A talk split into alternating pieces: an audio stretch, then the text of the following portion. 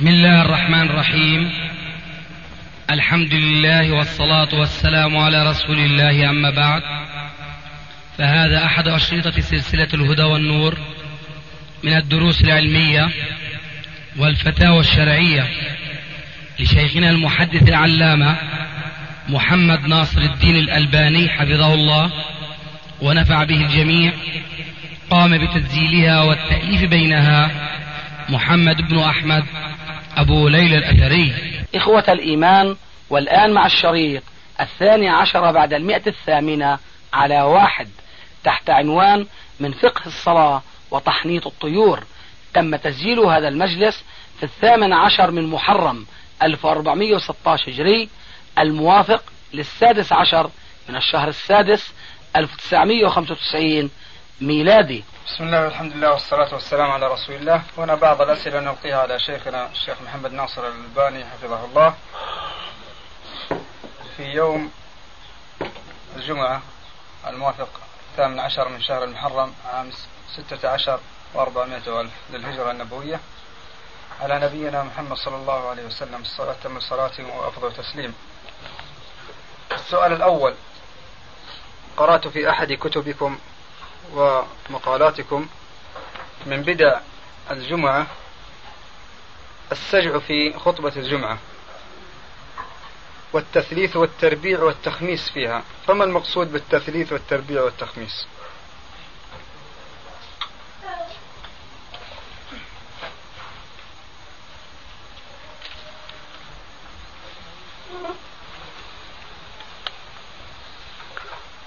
لا أستحضر الآن الجواب عن هذا السؤال.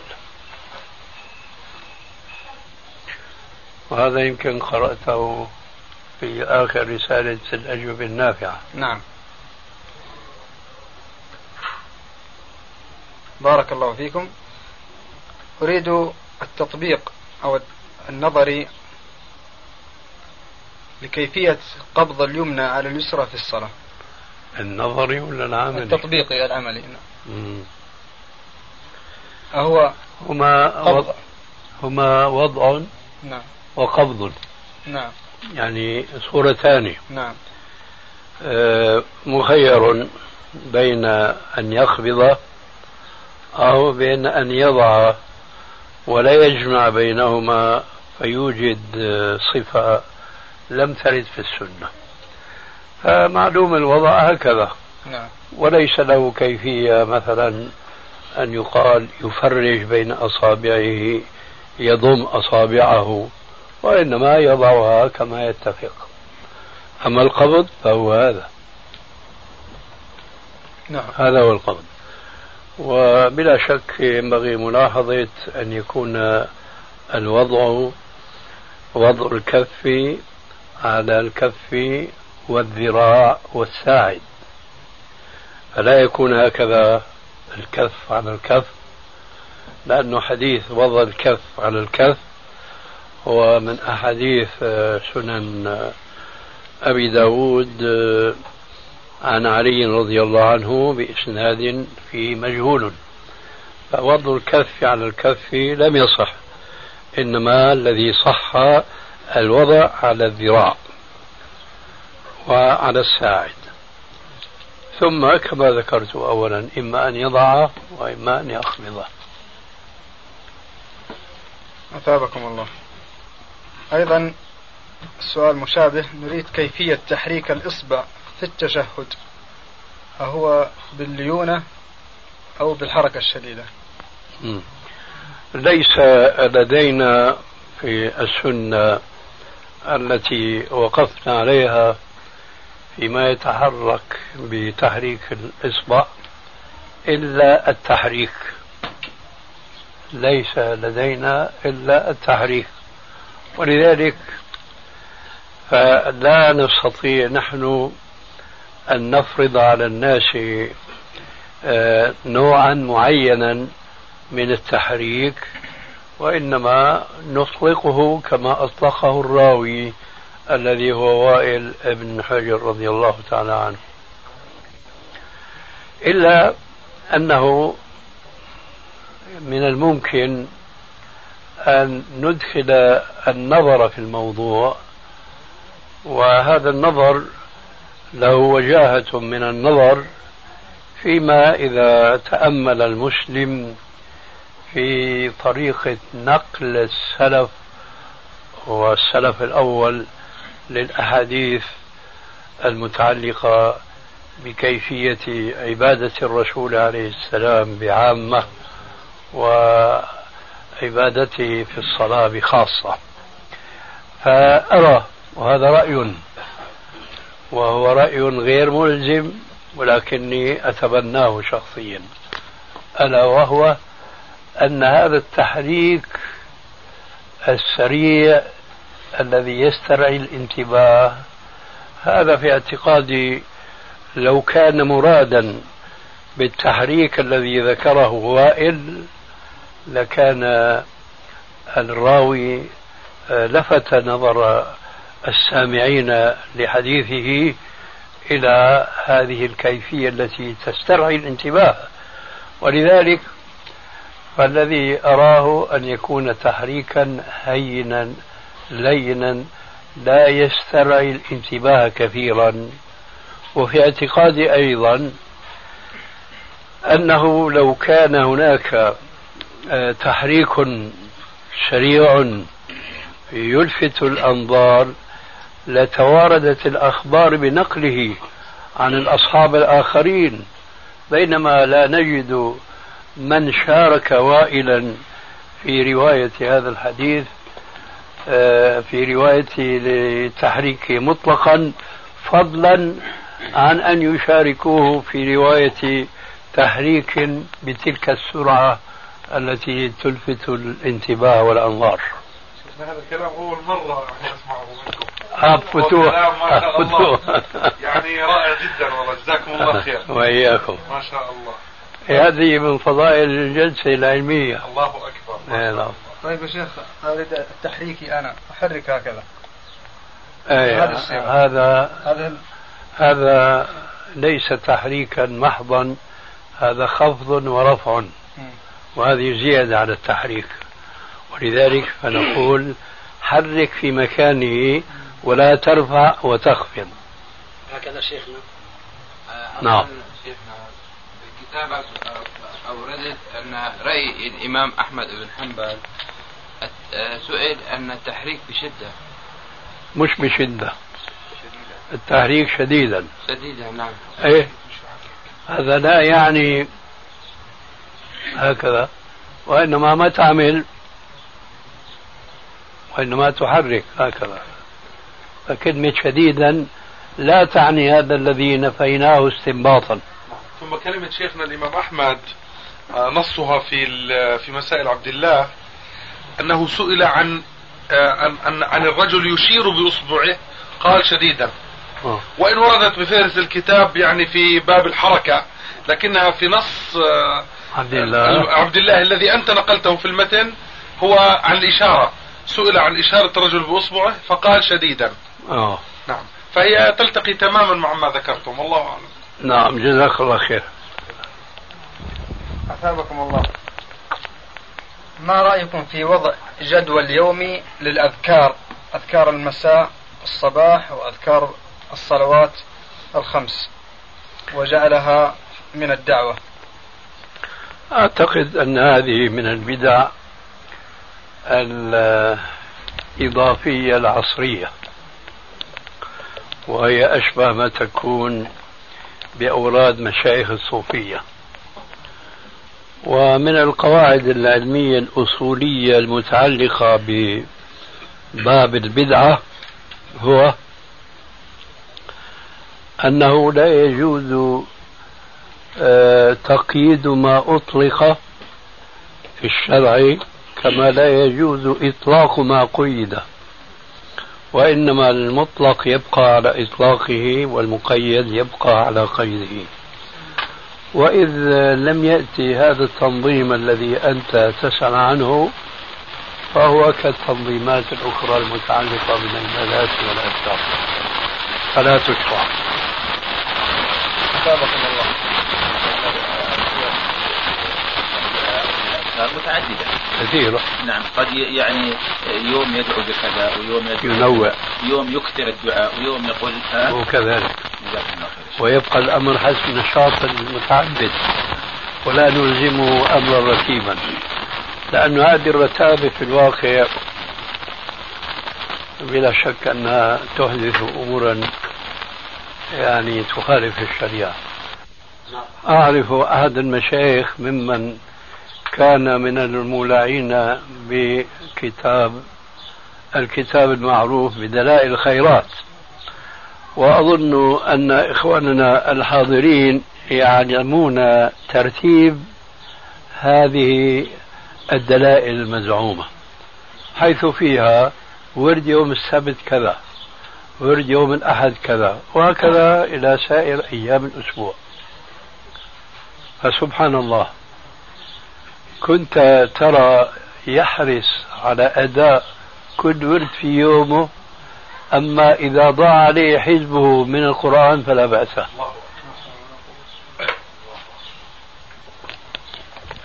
يعني الحزب الذي ينظمه المسلم على نفسه وهذا كما تعلمون يعني من سنة السلف هذا إذا تهاون به لا بأس. أما ورد السبت يقرأ الأحد والأحد يقرأ هذا ما ينبغي. كأنه وحي السماء. وهذا بلا شك من الغلو في الدين. غيره أثابكم الله. نعم. ما في داعي بارك الله فيك. ما في داعي. الدنيا الآن شوب ما شاء الله. شيخ أعتقد قراءة سورة تبارك كل يوم أو كل يوم في اليوم في الليل ما يعد من الأذكار أو الأوراد اليومية؟ بلى. هو من السنة.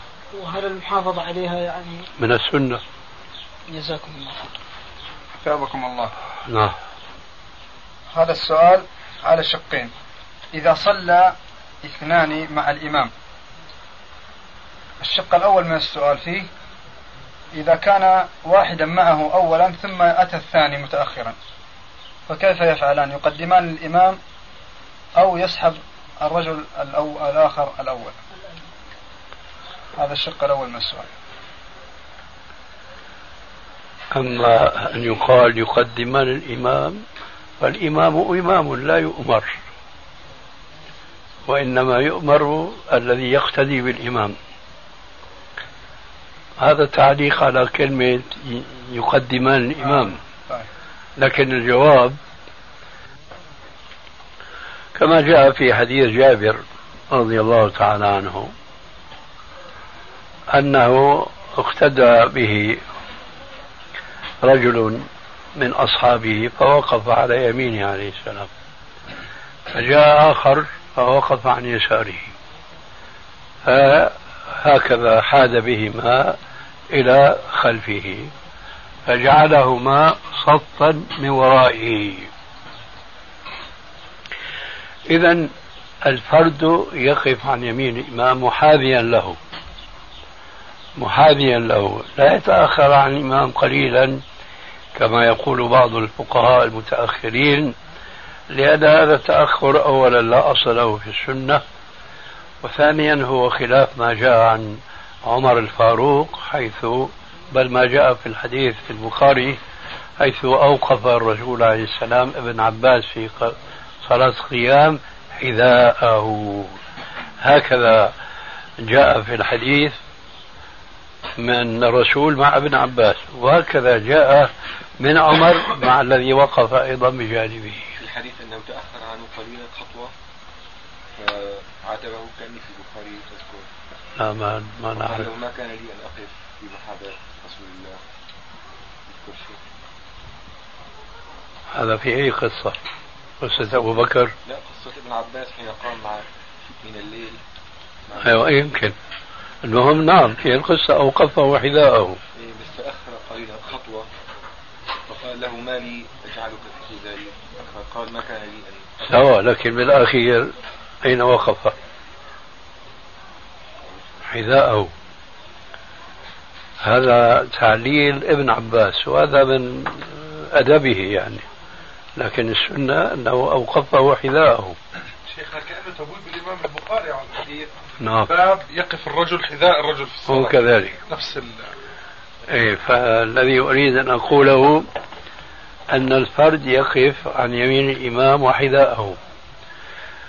فإذا جاء آخر ولا يعرف بطبيعة الله بطبيعة الأمر الحكم فوقف عن يسار الإمام فالإمام هنا يقتدي بالرسول عليه السلام ويؤخرهما من خلفه. أما إذا كان الثاني فقيها ويعرف أن الأمر أن يقف الاثنان صفا وراء الإمام فهو يقف خلف الإمام ويتلطف بجر من كان عن يمين الإمام إليه. أما الإمام فيحافظ على مكانته ولا يؤمر أن يتقدم. نعم. الله. وإياك. الشطر الثاني من السؤال قد أجبتم عنه في معرض كلامكم لأنه قلنا الشطر الثاني كان إذا كانوا اثنان أتى اثنان ثلاثة هم وأمهم أحدهما فذكر بعض أهل العلم وقرأته قريبا وهم من المعاصرين وهم من يضرب بهم ويقتدى بهم يقول يكون واحد عن يمينه والآخر عن يساره. أخذت هذه هذا مذهب مسعود. كان هذا مرهة من الزمن. أما السنة التي استقر عليها الأمر هو ما ذكرناه آه، مع الإشارة إلى أنه من حديث جابر بن عبد الله الأنصاري رضي الله عنهما. نعم. آه سؤالي هنا كنت قد آه، عرفت أو قرأت حديثا فكنت أسأل عن معناه فوجدناها اليوم في السلسلة المجلد الأول في رقم 21 300 ولكن آه ذكرته استشهادا هنا في هذا فهل هذا يعني آه صحته بهذا اللفظ؟ يعني إذا قام كنت أسأل إذا قام الرجل إلى الثالثة ولم يجلس التشهد ولكنه قبل أن ينتصب تذكر وجلس فلا سجود عليه. أي نعم. فذكر آه، كنا نبحث عنه والشيخ علي جزاه الله خير بحث فوجد الحديث. الذي أنا أذكره أن هذا من السنة. أنه إذا استتم قائما لا يرجع وعليه سجود السهو. نعم. وإذا لم يستتم قائما رجع ولا سجود عليه. نعم. أنا كنت أسأل هل هناك نصا في هذا؟ هذا اللي كنت أبحث عنه. هو الحديث من حديث المغيرة بن شعبة. نعم. وفي الكتاب عندك الحديث عن من؟ آه، في الحديث عن المغيرة. آه. هو أصل, أصل الباب. أو حديث الباب إذا قام الإمام في الركعتين فإن ذكر قبل أن يستوي قائما فليجلس فإن استوى قائما فلا يجلس ويسجد سجدتين للسهو سجدتي السهو. آه. أنا الذي كنت أتذكره فإن فإن قام فإن جلس قبل أن يستوي قائما فليجلس ولا يسجد سجدتين. وجدت هذا المعنى في آه، بعد جمعك لبعض الأحاديث والطرق. ذكرته عن المغيرة بن شعبة. قال إذا صلى أحدكم فقام من الجلوس فإن لم يستتم قائما فليجلس وليس عليه سجدتان هذا الذي كنت أسأل عنه فوجدناه على كل حال هذا هو الثابت في السنة. بارك الله فيكم. وهذا خلاف المذهب الحنفي الذي يفرق فيقول إذا كان أقرب إلى القيام لم يعد وإذا كان أقرب إلى القعود قعد. الحديث لا يأتي بهذا التفصيل وإنما استتم قائما أو لم يستتم قائما. فإن استتم قائما لم يجوز له الرجوع وعليه سجدتا السهو لأنه فوت عليه التشهد. وإن لم يستتم قائما رجع وأتى بالواجب ولا سجد عليه. بارك الله فيك. نعم. مسألة السج... السترة تكون ملصقة بالأرض ولها أطراف أي قوائم ولم تكن كلها كاملة ملصقة بالأرض. فهل يأخذها سترة ويترك القوائم عن يمينه وشمال آه، حاجبيه؟ مثل هذه الطاولة. هل نصلي إلى هذا الفراغ؟ لا ما يصلي إلى الفراغ. يصلي إلى القائم. إلى القائم. طيب حديث السرير يا شيخ صلى إلى سرير النبي صلى الله عليه وسلم. لم يفهم أنه السرة الأسرة لها رجول مفتوحة؟ إيه، صلى إلى سرير. نعم. طيب. نحن ليس عندنا صورة لا صورة رسمية ولا صورة تعبيرية أنها كانت مكشوفة ولا كانت مستورة. ولماذا نتعمق هذا التعمق؟ طيب. ونحن نعرف أن السترة هي كل شيء يكون أمام المصلي ولو كالسهم. فإذا صلى إلى سرير فنحن يجب أن نفترض ليس الأمر اللا معهود وإنما الأمر المعهود. والأمر المعهود أن أن أن يتستر بشاخص ولا يتستر بفراغ. فإذا صلى إلى سرير وافترضنا أن السرير مثل هذه الطاولة التي بين أيدينا هناك فراغ بين القائمتين. نعم. ولا شك أنه صلى إلى إحداهما. هذا إذا افترضنا الفراغ وقد لا يكون هناك فراغ. ونحن نقرب هذا كثيرا في أوضاعنا الآن في غرفنا. فنحن قد نجد سريرا وعليه مثلا ثوب.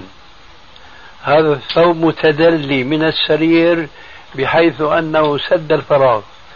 فأنت إذا صليت إلى فراغ السرير في هذه الحالة لا يعني أنك صليت إلى الفراغ. صليت إلى الستارة التي هي القماش. فإذا كما جاء عن علي رضي الله عنه في المسند يعني يقول إذا جاءكم حديث عن رسول الله صلى الله عليه وسلم معنى حديث لأنه ليس هذا لفظه فاحملوه على أحسن المحامل تذكر تذكر اللفظ؟ أظن به الذي هو أهناه. يمكن هيك شيء نعم. في ابن ماجه أيضا. آه. فإذا نحن نحمل الحديث على أحسن المحامل. نحمله على ما يتوافق مع الأحاديث الأخرى لا على ما يتنافر. نعم. طيب يا شيخ آه، دعنا في هذا نفسه المقال. آه، صلى النبي صلى الله عليه وسلم إلى الرحل. والرحل المعروف أنه له تجويد والرحل قائم في الهواء. قائمه في الأرض ولكن انتهى الأمر. مكانك راوح يعني حديثك هو هو الطاولة. نفس الطاولة. نفس الطاولة. جزاك الله خيرا. وإياك. آه كم تكفن فيه المرأة؟ أو كم ثوبا تكفن؟ النساء شقائق الرجال. ليس هناك نص آه، يخص المرأة بزائد ثوب أو ناقص ثوب. وحديث أم سلمة؟ وهو أذكر معناه أن النبي صلى الله عليه وسلم أمرهن بأن يكفن في سبعة. في خمسة أثواب آه، أظنه غير غير صحيح. هو أحكام الجنائز صحيح أحكام الجنائز تكلم ما صح هذا. طيب. قول المأموم أو قبل قول الإمام إذا قام إلى الركوع قال سمع الله لمن حمده ربنا ولك الحمد. والمأموم هل يقول مثل ما يقول الإمام أو يكتفي بربنا لك الحمد. لا هو مأمور باتباع الرسول عليه السلام في كل صلاته نصا عاما كما هو معلوم والتخصيص والاستثناء يتطلب دليلا يخصص أو يستثني وهذا لا شيء منه. هذا من جهة. من جهة أخرى أن كل من التحميد والتسبيح له مكان. التسميع غير التحميد. التسميع له مكانه والتحميد له مكانه. أي حينما يقول المصلي ما بهمنا الآن هو إمام ولا منفرد حينما يقول سمع الله لمن حمده متى يقوله؟ أثناء رفع الرأس من الركوع إلى القيام. سمع الله لمن حمده. متى يقول ربنا ولك الحمد؟ وهو مستقيم وهو قائم. إذا إذا أنت كنت تصلي وراء الإمام فقال الإمام سمع الله لمن حمده. وكنت من أولئك الذين يقولون يكتفي المقتدي بأن يقول ربنا ولك الحمد. أنت بين أحد أمرين. وكلاهما أو كما يقال أحلاهما مر إما أن تضع السنة في غير موضعها أو أن تضيعها وأحلاهما مر إما أن تقول أنت ترفع رأسك ربنا ولك الحمد وهذا خلاف السنة. وإما أن ترفع رأسك من الركوع صامتا ثم إذا ما استقمت قلت ربنا ولك الحمد. فضيعت والحالة هذه ورد الاعتدال. واضح؟ ورد الاعتدال. فورد الاعتدال سمع الله لمن حمده. أنت راكع وفي أثناء الرفع تقول سمع الله لمن حمده. استقمت واعتدلت تقول ربنا ولك الحمد. فأنت وراء الإمام. إما أن تفعل هكذا وتقول ربنا ولك الحمد. فضيعت ورد الاعتدال. وإما أن تقول ربنا ولك الحمد. فضيعت ورد بعد القيام الثاني. وهكذا. وهذا وهذا خلاف السنة أولا ثم خلاف عموم قوله عليه السلام صلوا كما رأيتموني أصلي. أما الحديث الذي قد يحتج به البعض وإذا قال الإمام سمع الله لمن حمده فقولوا ربنا ولك الحمد. فهذا لا يعني أن المقتدي لا يقول سمع الله لمن حمده وإنما يعني أن يقول بعد قول الإمام يعني أن يتابع الإمام. وهذا يشبه تماما من حيث التنظيم والترتيب الحديث الآخر الذي يقول وإذا قال الإمام غير المغضوب عليهم ولا الضالين فقولوا آمين. فهذا لا يعني أن المقتدي لا يقول آمين بدليل أن الحديث صريح بقوله عليه السلام إذا أمن الإمام فأمنوا فإنه من وافق تأمينه تأمين الملائكة غفر له ما تقدم من ذنبه. هذا الحديث يقرب ذاك. وإن كان تأمين المقتدي ها هنا أقوى من حيث دليله من آه، تحميد المقتدي وراء الإمام. لكن النتيجة من حيث الحكم الشرعي واحدة. هي ولا هي؟ هي أول هذا عفوا هذا طبعا بطيخ. حتى ما تقول جاب للشيخ إيش ما جاب لنا يعني أنتم يعني بيقول صاحبنا أنتم سبقتمونا إلى الخير. ما معنى قول قراءة الإمام؟ ذكر قراءة. ألا تشمل هذا الموضوع؟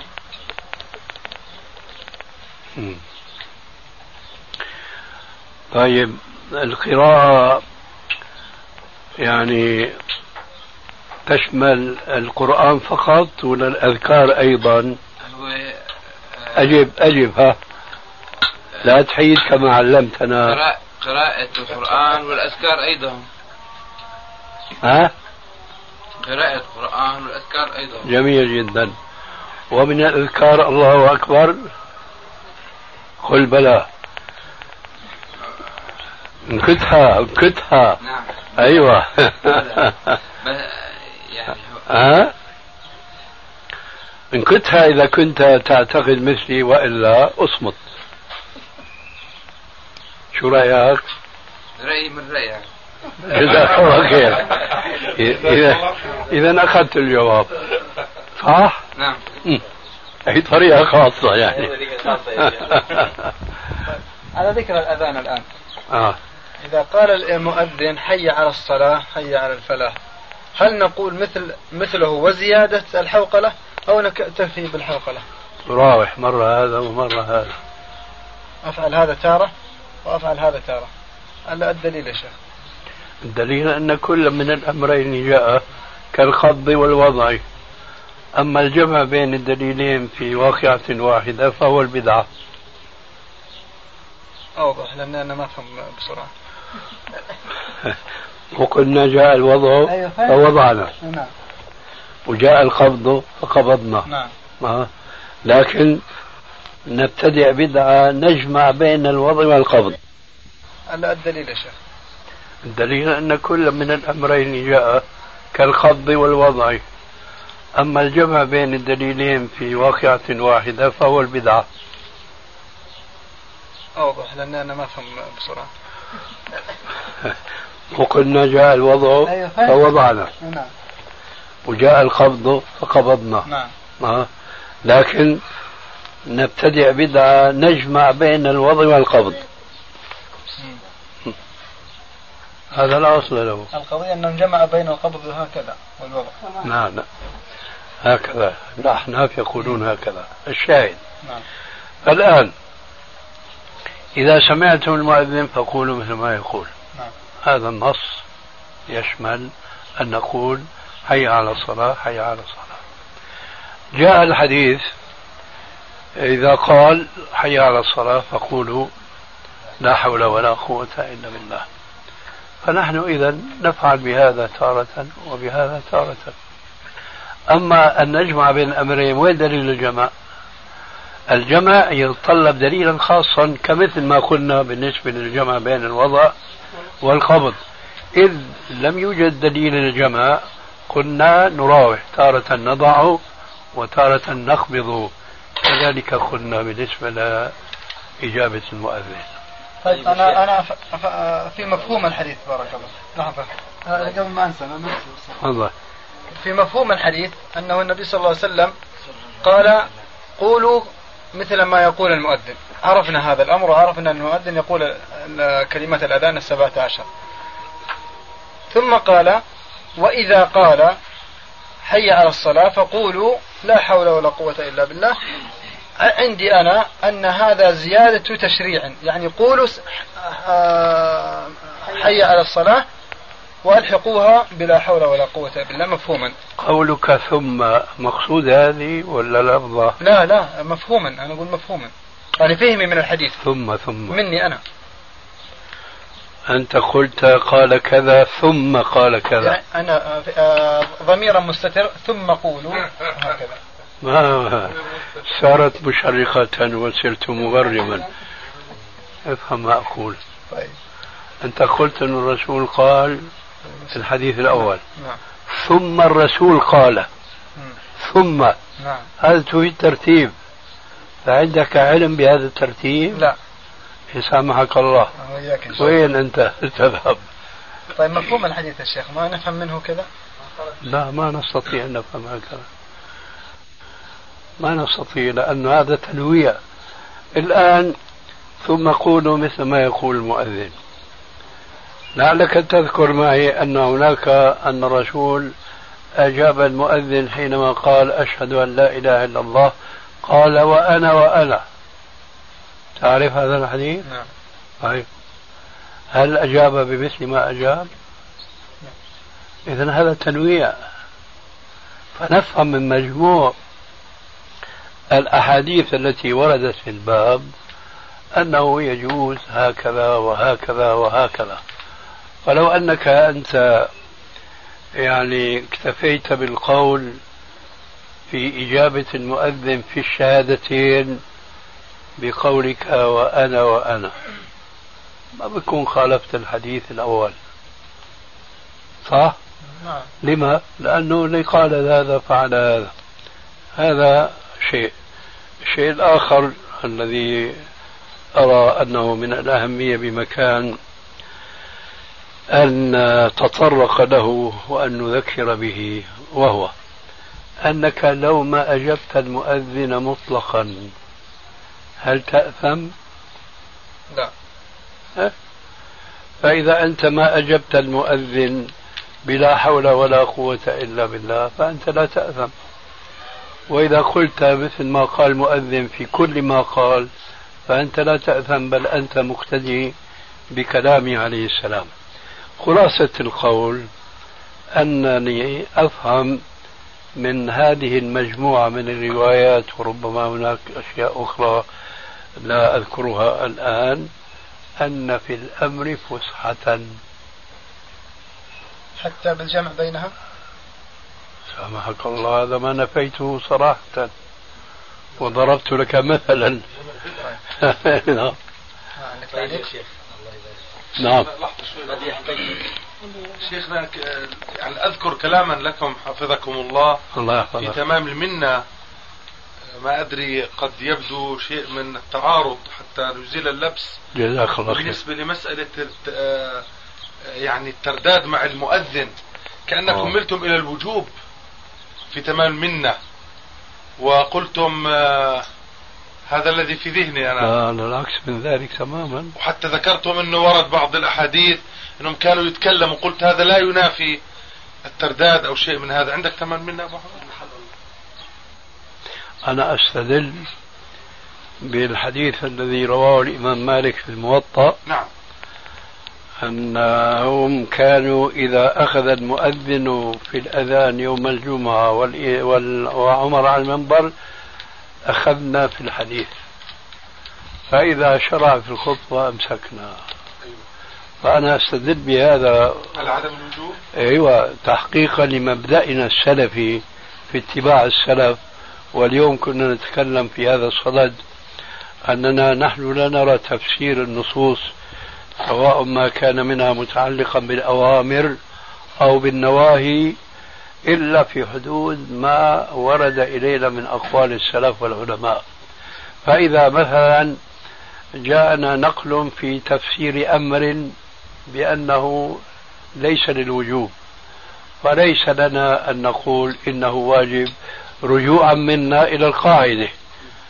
وعلى خلاف ذلك فيما إذا اختلفوا حين ذاك نعود إلى القاعدة ونأخذ بالوجوب وكذلك في النهي الذي الأصل فيه التحريم. واستشهدت بعبارة للإمام أحمد رحمه الله أنه قال بالنسبة لصبغ الشعر عند قوله عليه السلام إن اليهود والنصارى لا يصبغون فخالفوهم فقال عن الصبغ أخشى أن يكون فرضا. أخشى. ما قال هو فرض تمسكا بالأصل لأنه يترقب أن يأتيه العمل. فإن كان جرى العمل والإفتاء على أنه فرض كان أجرى الناس على التصريف به وإلا جبن. هو الجبن هنا هو الشجاعة. نعم. آه ولذلك قلت أيضا في هذا في هذا النهار بالذات لذلك نجد الإمام الشافعي والإمام أحمد أيضا وكثيرا من أمثالهم من أئمة السلف يقولون في أشياء نعرف نحن اليوم أنها محرمة يطلقون عليها لفظة الكراهة أكره كذا وأكره كذا أنه هي محرمة عندنا لكن نحن شأننا الآن غير شأنهم نحن الآن الأقوال كلها محصورة عندنا. فليس هناك من يخالف مثلا في تفسير نص من بعض النصوص يعني. إيه، فإن دل هذا كما يقال اليوم على شيء فهو يدل على ورعهم وعدم تجرؤهم على التسرع إلى القول بتحريم شيء أو بفرضيته. غيره؟ عندك تعليق على هذا قبل؟ تفضل. شيخنا بارك الله فيك وفي علمك ونفعنا به. الله يحفظك. قد يتبادر إلى الذهن الاحتجاج على حديث المسيء صلاته أو تعليم النبي صلى الله عليه وسلم المسيء صلاته. فإذا فرفعت من الركوع كذا فقل سمع الله لمن حمده. وكان ال- ال- ال- المسيء صلاته منفرد. وحديث آه، متابعة الإمام إذا كبر فكبر وإذا كذا وإذا قال سمع الله من لمن حمده لمن حمده فقولوا ربنا ولك الحمد. قد يتبادر إلى الذهن مع القول بعدم متابعة المؤذن في الحي علتين أن هذا حجة لأن يقول المأموم ربنا ولك الحمد.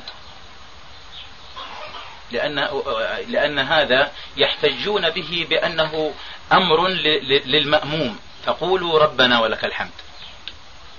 نعم. وهذا أمر للمنفرد.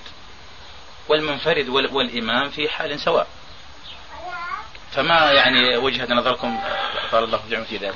أه نص كلامك الأخير وضح لي لكن الأول ما هو الربط بين القسم الأخير من الكلام والقسم الأول المتعلق بحديث المسيء صلاته؟ أنت قلت بأن النبي صلى الله عليه وسلم أمر المسيء صلاته بأن يقول إذا رفع رأسه من الركوع. سمع الله لمن حمده. نعم. طيب. فالآن هل هناك من يقول بأن المنفرد لا يقول ربنا ولك الحمد؟ لا ما في. إذا ما علاقة حديث المسيء بما دام المسيء يجمع بين الأمرين. المسيء صلاته نعم. أو لنقل بعبارة صحيحة المنفرد يجمع بين التسميع وبين التحميد مع أن الرسول قال للمسيء صلاته قل سمع الله لمن حمده. هو إذا كان ما عنده جواب نسمع منك. قد يقال بأنه لم يؤمر المنفرد بغير التسميع آه جميل. هل الأوامر محصورة بحديث المسيء صلاته؟ ولا ممكن يكون هناك أوامر أخرى؟ أو بعبارة أخرى إذا جاء أمر لم يذكر في حديث المسيء صلاته هل نلغي قيمة هذا الأمر لأنه لم يرد في حديث مسيء صلاته أم كما نعلم الأحكام ما تنزل طفرة وإنما تترى. فإذا جاء أمر لم يذكر في حديث مسيء صلاته هذا هو الصحيح أن الصلاة لم تتوقف فقط على حديث المسيء صلاته فقط بل هناك أوامر أخرى. حسنا إذا إذا إذا قال عليه السلام للمسيء صلاته قل سمع الله لمن حمده. فهذا لا ينفي أن يقول المنفرد اليوم زيادة على ذلك ربنا ولك الحمد. إذا كنا متفقين وفي ظني أننا متفقون إن شاء الله آه، فيعود السؤال ما علاقة إذا حديث المسيء صلاته بموضوعنا أو بالشطر الثاني من السؤال؟ موضوع الأذان. آه. قد يحتج بهذا يقول لماذا أنتم جعلتم يعني أفردتم أن أن لا يقول مثلا آه، حي على الصلاة والحوقلة. هنا لابد تفرد التحميد والتسميع.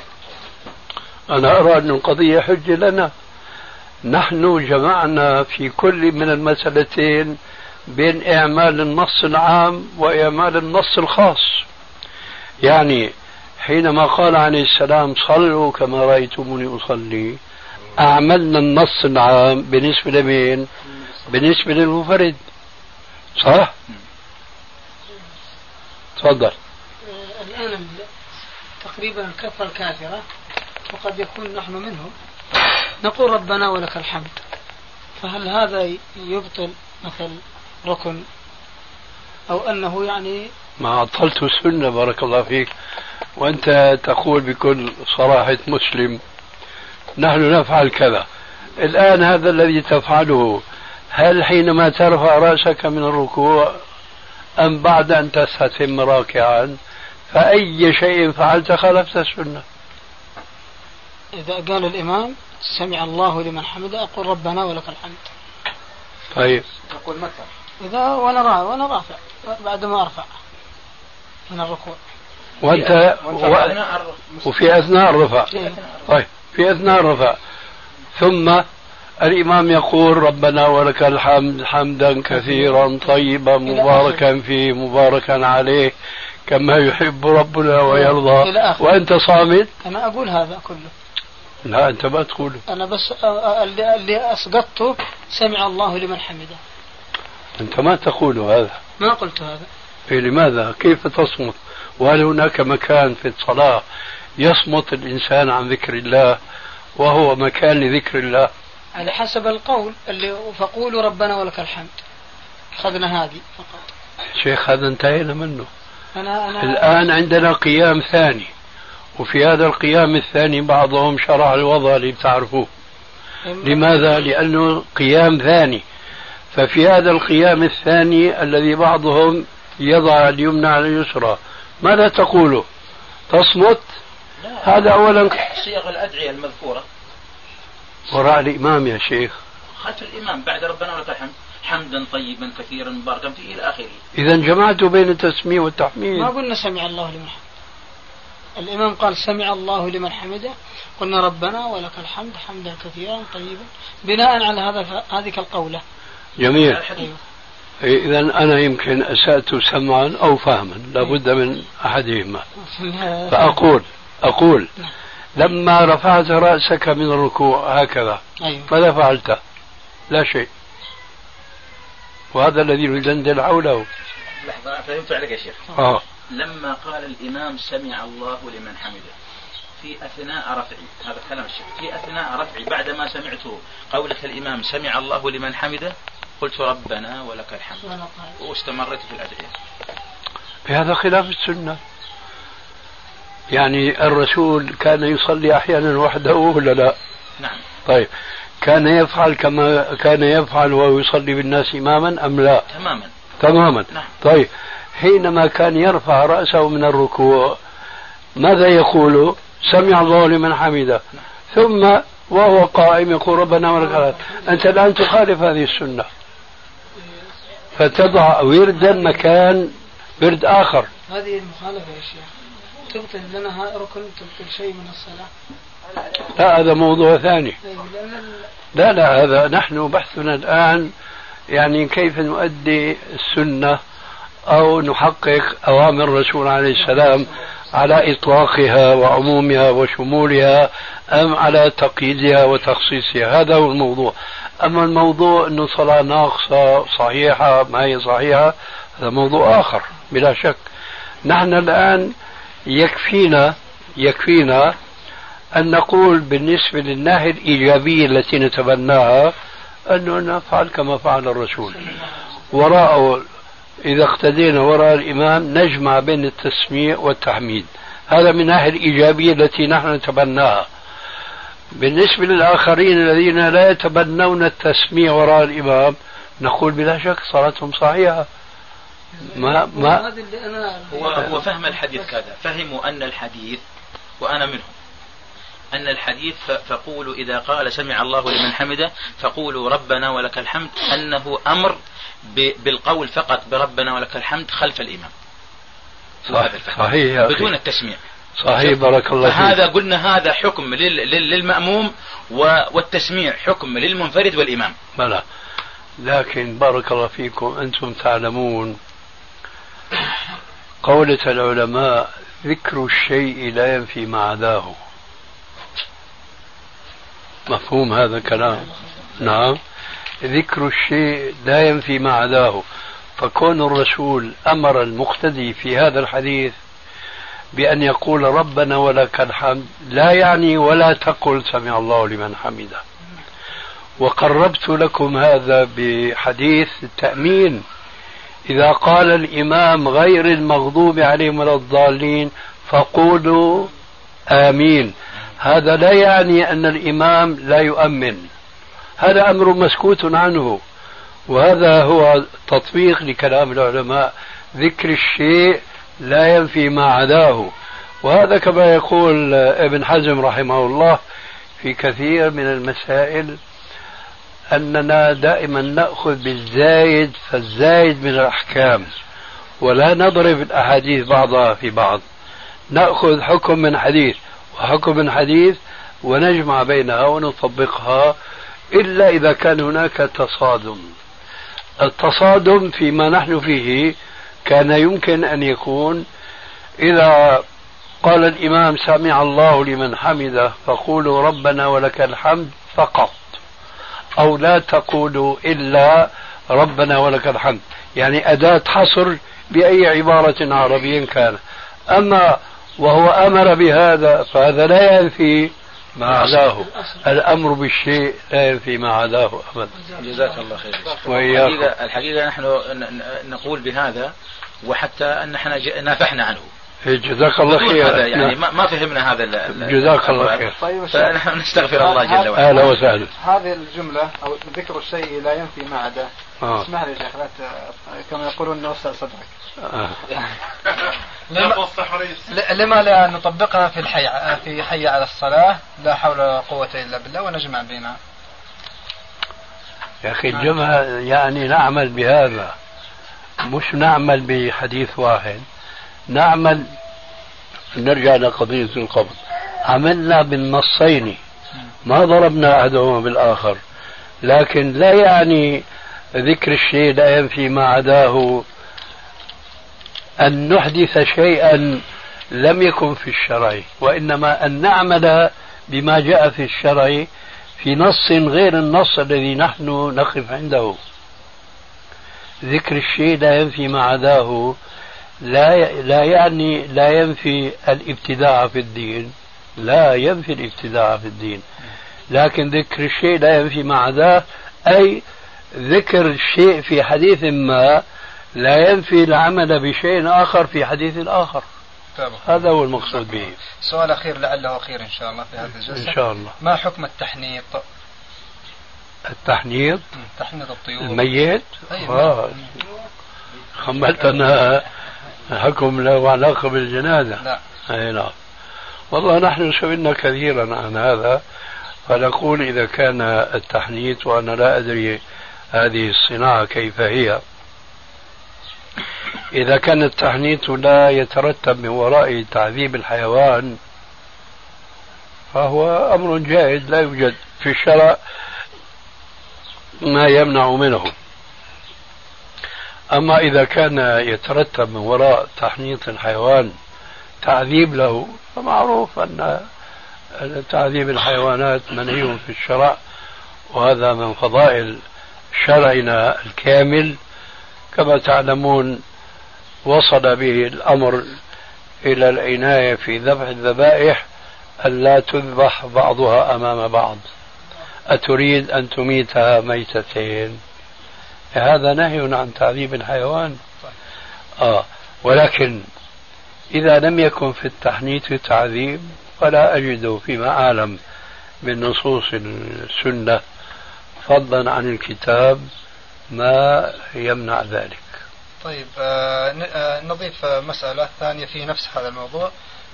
آه وأنا كأني أرجح أو أذهب إلى نريد مسألة فيها. النبي صلى الله عليه وسلم أنا عندي تعليق على قولك أرجحها بس مشيها. مشي جزاك الله خير. لا أنا أنا لهذا سحبت لساني أنا.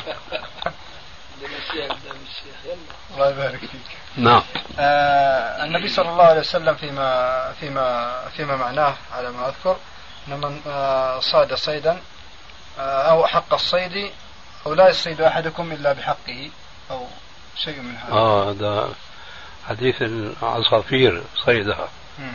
آه ولو آه فتحنا الباب التحنيط لا قتلت الحيوانات والطيور بدون آه بدون آه حقها. بعضها ما يؤكل لحم. وه- يعني ويكون من باب سد الذرائع أن لا تحنط أو يمنع التحنيط. هذا من باب ألا يرتكبوا هذا المحظور. فما رأيكم الشيخ؟ إيه هذا قتل الحيوان بدون سبب. نعم. أنا أعتقد أن هذا غير مشروع. طيب. ولكن المسألة تختلف بعض الشيء.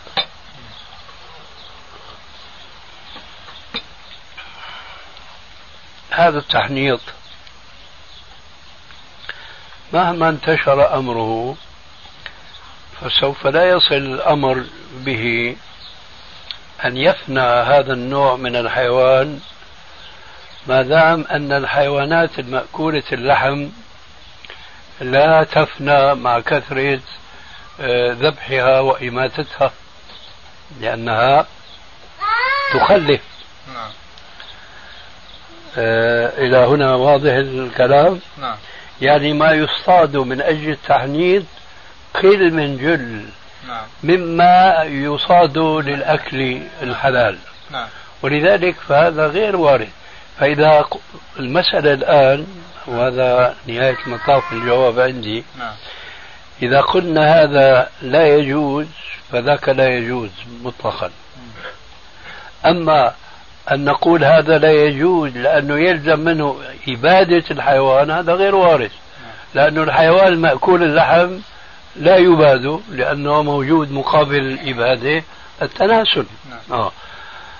وعلى العكس من ذلك إذا قيل بأنه هذا لا دليل على منعه والأصل في الأشياء الإباحة كما هو معلوم من علم أصول الفقه فهذا القتل القليل لهذا القصد ما أراه ينافي الشرع طيب هل آه الحديث الذي جاء آه إلا بحقه هل هو المقصود به آه من باب لا تفنى وإلا من باب حكمة أخرى؟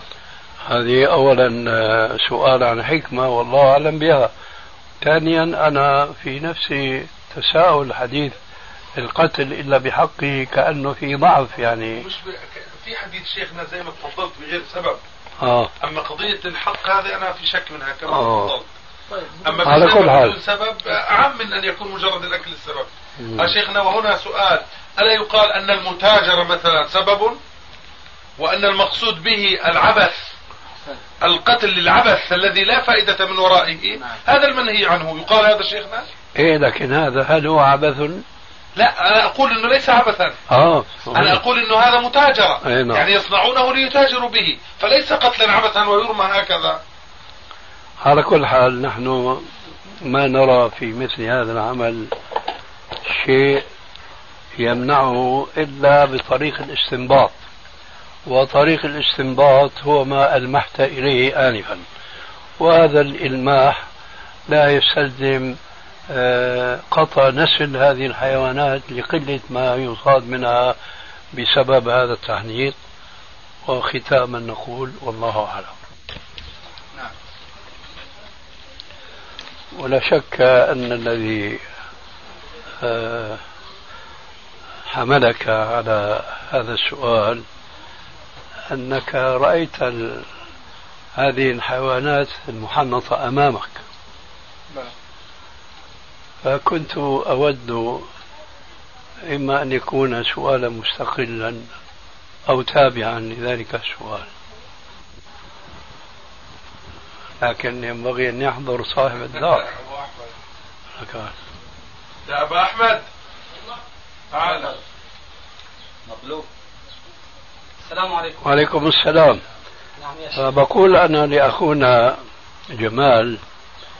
لو كنت أود أنه يكون مقرون على الأقل مع سؤالي عن التحنيط أن لا توضع أمام المصلين. جميل. فإنها تلهي. وهناك أحاديث كما لا يخفى على الحاضرين أن النبي صلى الله عليه وسلم كان يهتم أن لا يوجد في البيت الذي يصلي فيه المصلي ما يريه فتارة يقول أميطي عنا تصاويرك هذه فإنها ألهتني. تارة يقول اذهبوا بأنبجانية أبي جهم. بأنبجانية إيش؟ أبي جهم وأتوني لا بخميصتي هذه وأتوني بأنبجانية أبي جهم فإنها ألهتني وفي رواية كادت أن تلهيني عن صلاتي. وتارة لما دخل جوف الكعبة ووجد قرني الكبش فأمر بتخميرهما وتغطيتهما.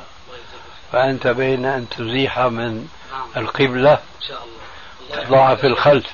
الله يفتح عليك يا شيخ. آمين الآن فتوى العارفين حقا. أو يا شيخنا أو أن يغطيهما معقول؟ ساعة الصلاة. نعم. لا هو يرفع. الخلف يعني إيه. صحيح. طيب هذا مشان حتى إيه يريح حاله بالمرة لا مو بس هيك. حتى نسد باب من يحتج بأنه هي قد تعبد من دون الله. بارك الله فيك. هذا السؤال ما بدر لي لأني لا أعرف القبلة عندكم هنا أين هي. نعم. هذا واحد. أما جاءني والله سؤال الآن. معلش سؤال متعلق بالموضوع. طيب، شيخنا أنا الآن الآن حقيقة خطر في بالي سؤال ثالث. تفضل. وهو إنه هذه الصورة يعني فيها شيء من الكذب. ها لأنه ما حصل الذي حصل على هذه الصفة. إخوة الإيمان تتمة الكلام في الشريط التالي. وهو انه هذه الصورة يعني فيها شيء من الكذب. ها. لأنه ما حصل الذي حصل على هذه الصفة. أنا بخالفك في هذا. شوي ش... خلينا أكمل. تفضل. ثم هذا لفق بهذه الصورة وبهذا الشكل على يعني تلفيقا حتى يقال إنه هذا منقض على ذاك. آه. فهل يقال هذا؟ آه قد يقال وقد لا يقال. نعم. وأنا أستعمل قد في محلها. قد قدا آه. لا. أنا أقول أنه هذه الصورة بذاتها فعلا فيها الشيء الذي أنت ذكرته.